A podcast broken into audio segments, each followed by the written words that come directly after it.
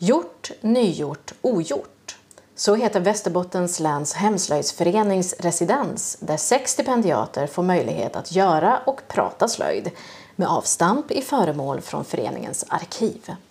Sofia Vettainen är konstnären som håller på att bli arkitekt med rötter i Kiruna och en nyfunnen fascination för en återupptäckt fårras som snabbt ser farorna i luft och på land.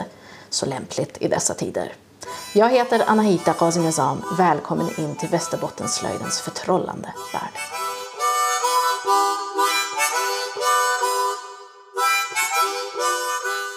Välkommen Sofia till Tack. Västerbottens läns hemslöjdsförenings lokaler och vi sitter med alla dina fantastiska utvalda objekt. Och jag tänker här, när jag ser de här, då tänker jag, här syns arkitekten i dig och konstnären. Du har valt sex stycken, eller fem stycken olika objekt som på något vis är lite ofärdiga och som ställer frågor. Hur, hur har du valt ut de här? Ska vi börja med den första? Ja, alltså den här var ju så rolig. Ska vi säga att det är någon sorts regnbågsformat och det är ett trästycke? Ja, det var ett bra ord. Ja, precis. Det är det. Och den här tyckte jag var så fin för att den... När jag såg bilden på den så kändes det mer som att eh, bilden redovisade en skulptur. Så som man skulle ställa kanske en skulptur i en konstkontext och ta en bild av den. Liksom. Och det kändes eh, eh, som att den stack ut. Eh, dels av det, men också för att det var så knapphändig information.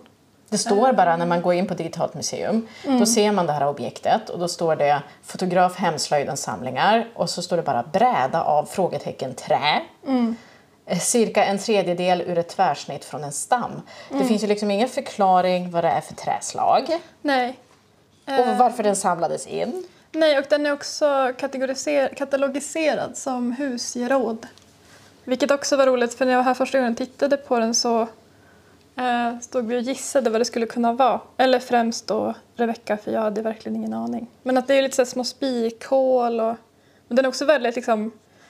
Den är slipad och lackad. Den passade liksom in i eh, samlingen som jag såg framför mig. Av, Skulpturala objekt lite grann. Ja, men eh, ja, alltså temat har ju mer varit eh, de föremålen som jag har upplevt stack ut ur arkivet. Och det är de jag har valt. Sen valde jag bort några som var lite spretiga för att de var liksom för... I mitt tycke så kändes, kände jag inget för dem. Liksom. Men alla de här föremålen eh, kände jag för. Och eh, när jag satte ihop dem så kändes det som att de var en liten spretig familj som, som inte riktigt eh, passade in i eh, linjen av, eller raden av det andra i arkivet. Nej, och nästa familjemedlem, ska vi ta en titt på vävnaden? Ja, ja. Det står eh, vävsedel eh, gammal kyppertväv, rosengång från Västerbotten. Och så står det dessutom att den är felaktigt benämnd som rosengång med mosa, motsatstrampa. Du vet, det här är ju en fördåd värld för icke-vävare. Ja, precis. Jag, alltså, jag kom ju in i det här och kunde ingenting om slöjd. Eh, vilket jag tyckte kändes otroligt eh, både skönt och spännande. Att när jag läste om den här till exempel så ord som jag inte förstår i bara den här lilla texten är ju nu vet jag vad en vävsedel är men jag hade ingen aning om vad det är. Kyppertväv, eh, rosengång och motsatstrampa. Att, och sen när jag började googla de här orden som jag inte förstod som hela den här ansökan eh, genererade liksom, så hamnade jag liksom i nya ord som jag inte förstod. Så jag fick googla. Eh, och helt plötsligt så var det en hel värld av språk som eh, var främmande för mig. Eh, och det kändes väldigt spännande. Och det är bland annat den här då. Så det, det vi ser är liksom en ganska fransig liten väv som ser oerhört sliten ut. Som kan det ha varit något som har hängt på en vägg? Eller är det svårt att försöka uttyda i efterhand? I väldigt brunaktiga röd och svagt röda eh, blåa nyanser. Ja, den, det var också väldigt fint just för att den var så trasig. Som att den är liksom, nu är det förmodligen inte så det har gått till, men som att någon bara har rivit ut den ur en större bit. Så här ostyrslig på det sättet.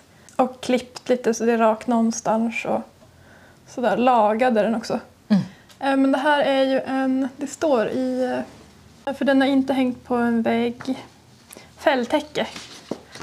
Eh, Och det fick jag då lära mig är när man väver en sån här väv och sen så lägger man den antingen på baksidan av en fäll eller, och så har man den, eller ja det är det man gör då. Och sen så har man den eh, i så fall om det är ett fälltäcke som antingen i släde eller när man ska sova eller eh, ett bruksföremål helt enkelt.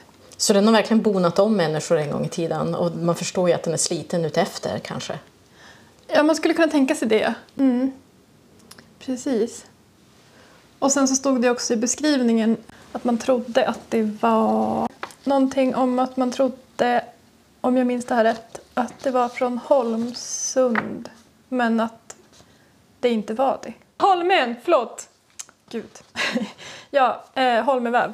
Men Mm. att det troligen inte var, eh, det var inte korrekt. Nej. Så den var också full av eh, Mysterier. Ja. Ja. Nästa är en bricka som har liksom slagit sig. En det ser ut som en någon sorts furubricka. Och så finns det en gammal lapp. Felaktig konstruktion står det med stämplade bokstäver. Och hela brickan som ska vara rak har liksom slagit sig och ställer sig lite grann på högkant. Ja, precis. Eh, Det här var ju roligt just för att den var i arkivet fast den är så ful. Att någon har ändå tagit beslutet att eh, den här ska eh, sparas. Eh, och det tycker jag är kul. Och den är ju ful på fler sätt. Man ser ju här att den är ganska dåligt limmad. Eh, limmet syns liksom på kanterna. Eh, och sen är den ju, eh, om man inte ser den, men den är väldigt slagen. Man kan liksom tippa den så här fram och tillbaka. Och sen att någon ändå har, har gjort den här eh, lappen. För det känns ändå som att det är ganska självklart att den är felkonstruerad. Men att någon ändå har gjort den här, skrivit, ut, skrivit den på vad ser, som ser ut att vara skrivmaskin. Och sen också liksom förstärkt den. Så det är inte bara en papperslapp utan den är skriven på ett papper som är antingen en baksida eller pålimmat på en eh, bok där det står bland annat det man kan läsa här bakom, vilket inte är så mycket eftersom att det också är två plastbitar för att förstärka ytterligare. Eh, Jokkmokk verkar det stå här, Pirak. Så någon har ju verkligen omsorgsfullt också gjort den här lappen för att poängtera att den är felkonstruerad. Ansträngt sig för att förklara för omgivningen. Verkligen. Eh, och det tyckte jag också var väldigt fint. Eh, sen när jag fick se de här, hur liksom hur omsorgsfullt den här lappen är gjord. Som man skulle kunna argumentera egentligen inte behövs. Men tydligen var otroligt viktig för någon. Så det tyckte jag också om. De, det fjärde må- föremålet är egentligen två stycken föremål. Två små snidade fåglar. Ja, precis. Det är två små snidade fåglar i trä. Det här var också roligt sen när jag väl fick se allting för att ingenting hade de formaten som jag trodde att de hade när jag hade sett dem i arkivet och sen när vi hade introduktionen och fick se allting på Zoom. Att trots att jag hade sett det i två format så blev jag förvånad över hur storlekarna egentligen eh, var. Och det här är då exempel på det jag valde som var mycket mindre än jag trodde. Mm. Ehm, För fotografiet du såg i Hemslöjdens samlingar på hemsidan, där tänkte du att den kanske är näve stor eller? Nej, kanske inte en näve, men det är dubbla ungefär från det här i alla fall. Och det där är ju kanske, vad ska man säga, fem centimeter från näbb till stjärt. Ja, det känns, eh, det känns som att det stämmer. Och ungefär på bredden kanske två och en halv, två och en halv, tre. Och där tänker man ju också, undra varför det här samlades in. Ja, eller de är ju väldigt fina, men det är liksom... Så av den anledningen förstår jag, men de är ju, känns ju inte riktigt färdiggjorda. Mm. Det är ju liksom... eh, Speci- alltså, man ser på ryggen på dem att, att eh, alltså det är som att man har fastnat med kniven lite. Att inte liksom tälta åt andra hållet för att få bort det utan man har liksom stannat eh, här av någon anledning. Och det kändes också väldigt fint. Och så det sista föremålet, med Ja. kanske det största föremålet vi har. Ja, I yta i alla fall, kvadratmeter. precis. Vi rullar ut det. Det är alltså en, en tovad eh, provfilt. Ett tovningsprov. Ja, den här trodde jag ju var eh, väldigt liten. Men det var den icke. Nej, den är jättestor. Den är ju som en, eh, om man tänker sig en fårfäll ungefär i formatet. Och ehm, ja, det var också kul för när vi tittade på det här så sa eh, Rebecka att den, eh, den var så ful. Eh, på det sättet den är väldigt liksom ojämn och sådär. Eh, vilket den ju är. Men det såg ju inte jag eftersom att jag inte kan något om tovning. Men det känns också roligt att det är någonting som är så stort och inte så bra gjort och sparat. Och skulle man kunna säga att det här femte föremålet är egentligen det som är din ingång till din undersökning via det här residenset? Ehm, jag skulle säga att det är det femte föremålet och eh, nu vet inte jag vilken ordning vi tog dem, har jag glömt. Men eh, också den här biten av fälltäcket. Ja, För det är ju också ull och eh, lin. Så att båda, eh, båda de här skulle jag säga. Och vad är det som, var- varför just ullen och den tovade filten och fälltäcket tänker du? Men det var ju för att eh, det dels var så otroligt mycket ord som jag inte förstod eh, i och med vävprovet. Men också att det var väldigt mycket ord som jag inte förstod när jag började googla kring den här.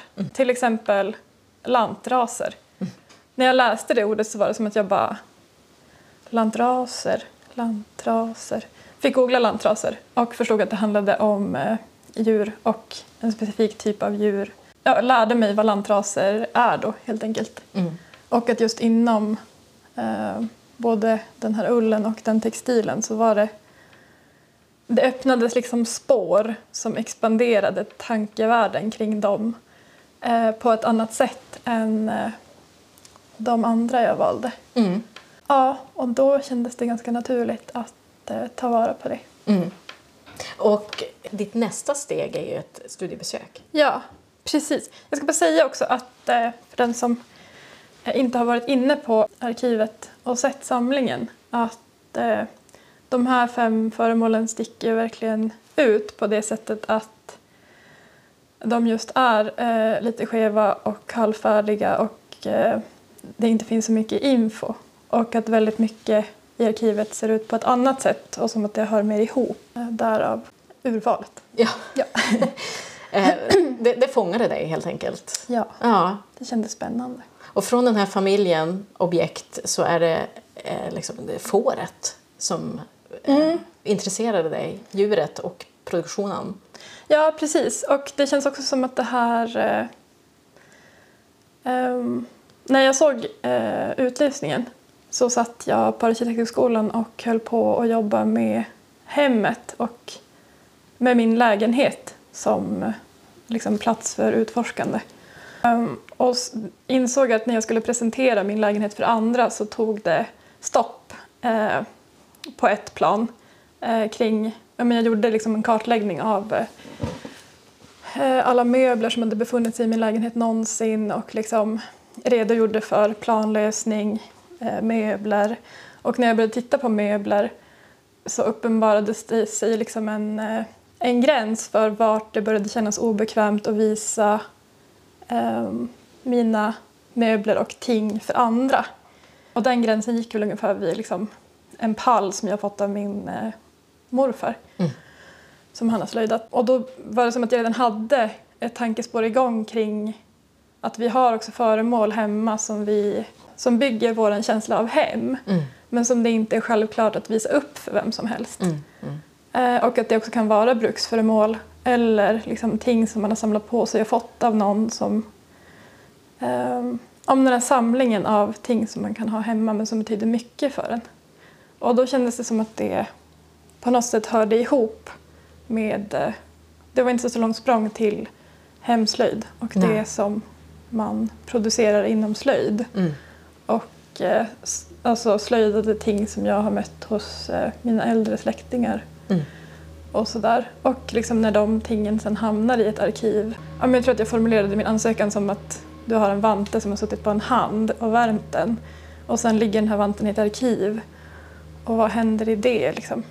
Så ingången var också ganska mycket eh, tankar kring vad, vad är ett arkiv och vad händer med föremålen när de hamnar där. Mm. Eh, just när det är föremål som har varit nära handen Mm. Mm. och kroppen. Liksom.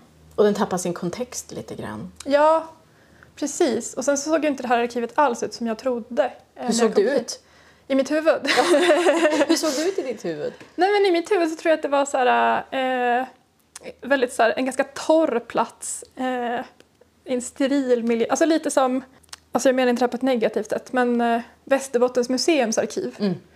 Det är ju mer liksom allting står väldigt Arkiverat, ens- liksom. Ja, Ja. ganska ensamt nere i källaren. Mm. Eh, gjorde när jag var där i alla fall, eh, på studiebesök. Och liksom väldigt hårt taget ur sin kontext. Medan här känns det ju som att de här tingen är kvar i samma...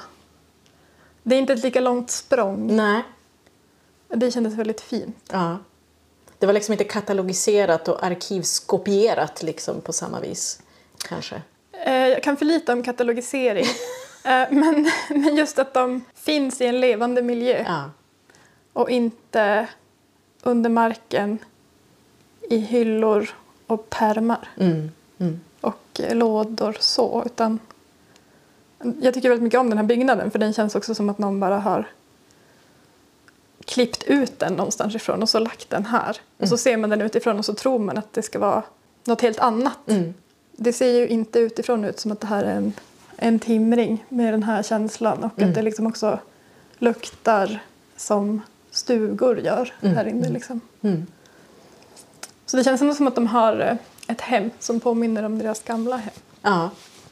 Men du kopplar liksom de här föremålen till att de en gång har kanske existerat liksom i en intim sfär precis som dina personliga föremål i ditt hem. Exakt.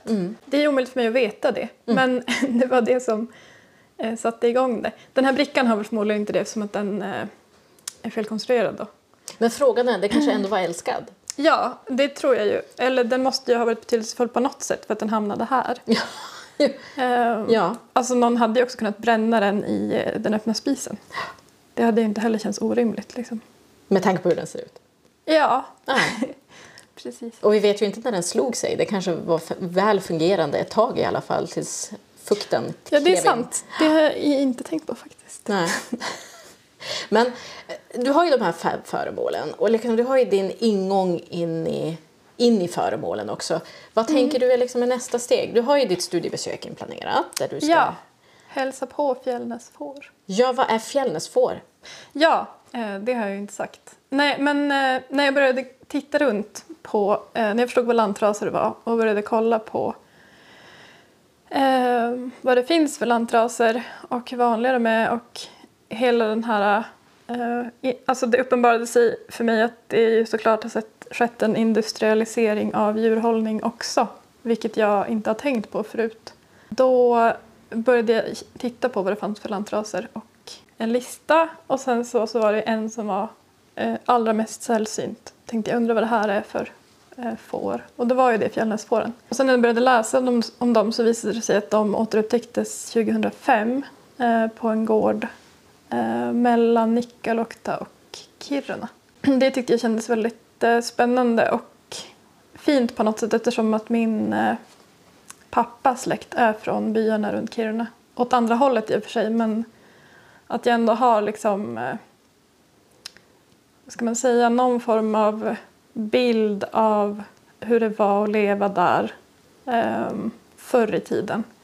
Eh, och att det gick att placera in då just Fjällnäsfåren i en kontext som inte var så långt bort. Sen så läste jag det här då om, att de, om deras personlighet och deras här skills att eh, detektera faror. Och då började jag tänka en del på det här med vad man... Alltså djur och personlighet och egenskaper. Att eh, det kanske inte... Det känns väl liksom fair to assume att det inte är eh, sådana egenskaper man avlar gotlandsfår på. Till Nej. exempel. Nej. Jag vet inte, de fick liksom en, eh, en eh, form för mig. Eh, också liksom i att de hade personlighet. Så då blev det, fick det bli dem. Eh, och sen så hittade jag, eh, började jag då som man gör nu, kolla på Instagram. Det fanns någon hashtag med fjällnäsfår.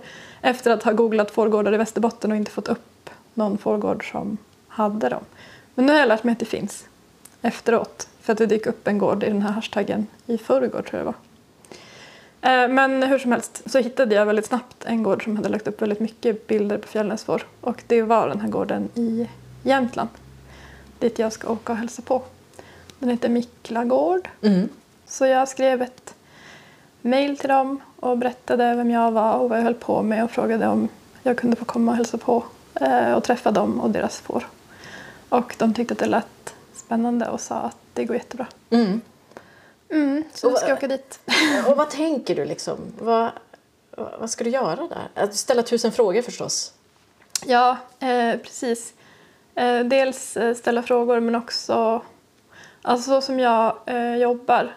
Eh, så i det här stadiet av projekt, jag är ju precis i början av mitt projekt eftersom att jag eh, har hållit på att ta arkitektexamen. Men i det här stadiet så brukar jag vara väldigt öppen för eh, alla intryck och eh, alla idéer.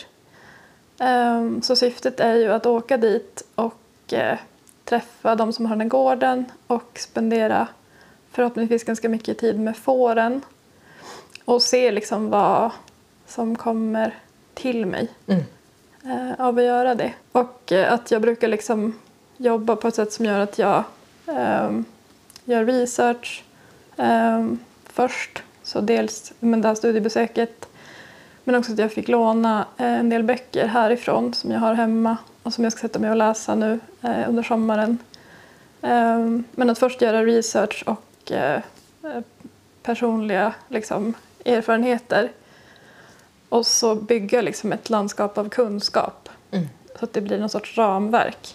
Och när det ramverket är klart så brukar jag ha liksom, olika små post-its på idéer som jag har fått under arbetets gång eller liksom redan små, en hel del material eh, i form av kanske ljud eller bilder eller teckningar eller liksom meningar som jag har byggt under tiden eller samtal som jag har haft. Mm, mm. Och då så är det som att jag så här, stänger av researchen, tar en paus, kommer tillbaka, sätter mig och tittar på det och så börjar jag snickra på en form. Liksom. Mm. För då, vid det laget är det alltid klart vad jag då finns det en riktning. Mm. Så nu är jag ju i det liksom, researchstadiet av så här, hämta in upplevelser, hämta in kunskap mm. um, och rita upp den här kartan eller det här landskapet som jag ska knalla in i sen. Mm. Och när du säger snickra upp något, menar du bokstavligen eller Nej, figurativt? Nej, liksom? figurativt. Ja. ja. ja, jag har, vi får se. Jag har inte jobbat i trä innan. Det kanske det blir, så blir det nog inte nu heller. Nej, men alltså, du har kanske inte jobbat i trä så mycket men du har ju med dig ett fantastiskt stycke lapptäcke som jag jättegärna vill att vi tar en titt på. Där säger du att det är ett bevis på att slöjden har funnits i ditt liv.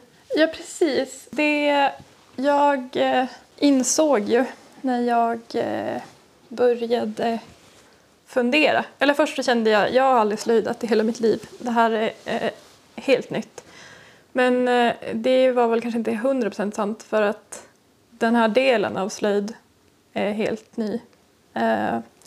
Men jag har ju sytt en del när jag var liten och vävt på sådana små vävramar som min farmor hade. Och många har gjort försök att lära mig sticka och virka. Liksom. Men eh, eh, jag har alltid varit ett sånt väldigt otåligt barn som ledsnar på projekt extremt snabbt eh, och som inte är så noga med att det blir fint.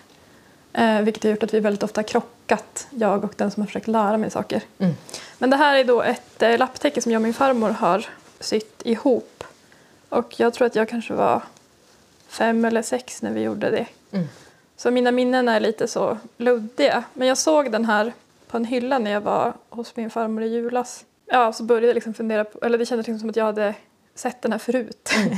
och sen så började jag fundera och så bara, ja men jag har ju, så jag öppnade den och bara, men jag har ju varit med och gjort den här. Eh, och så frågade jag farmor och hon bara, ja antingen är det du eller så är det Anna. Eh, och då kände jag spontant att det måste ju vara jag för det är jag som varit där mest. Och jag kände också igen, det var det som var så roligt, jag kände så himla tydligt igen vissa av de här tygbitarna. För jag har väldigt bra bildminne. Mm. Um, så jag såg vissa av de här rutorna och bara, den här har jag verkligen sett förut och mm. Eh, sytt i liksom. Mm. Jag har ju närmat mig slöjd när jag var liten men sällan gjort klart något. Men jag måste säga att det, det är fantastiskt att din farmor har sparat detta. Ja, ja, det är väldigt bra. Jag, jag sa det nu, jag bara, men jag kanske tar den här då. Hon bara, ja, ta den. Ja. Gjorde jag det. Men det kanske säger någonting om den generationen också, att bara för att något är halvfärdigt och står i ett fem år så betyder det inte att det inte kan stå i tio år till. Nej, nej, verkligen. Och eh, min farmor är på inget sätt en hoarder, alltså hon samlar ju inte på vad som helst heller. Eller liksom.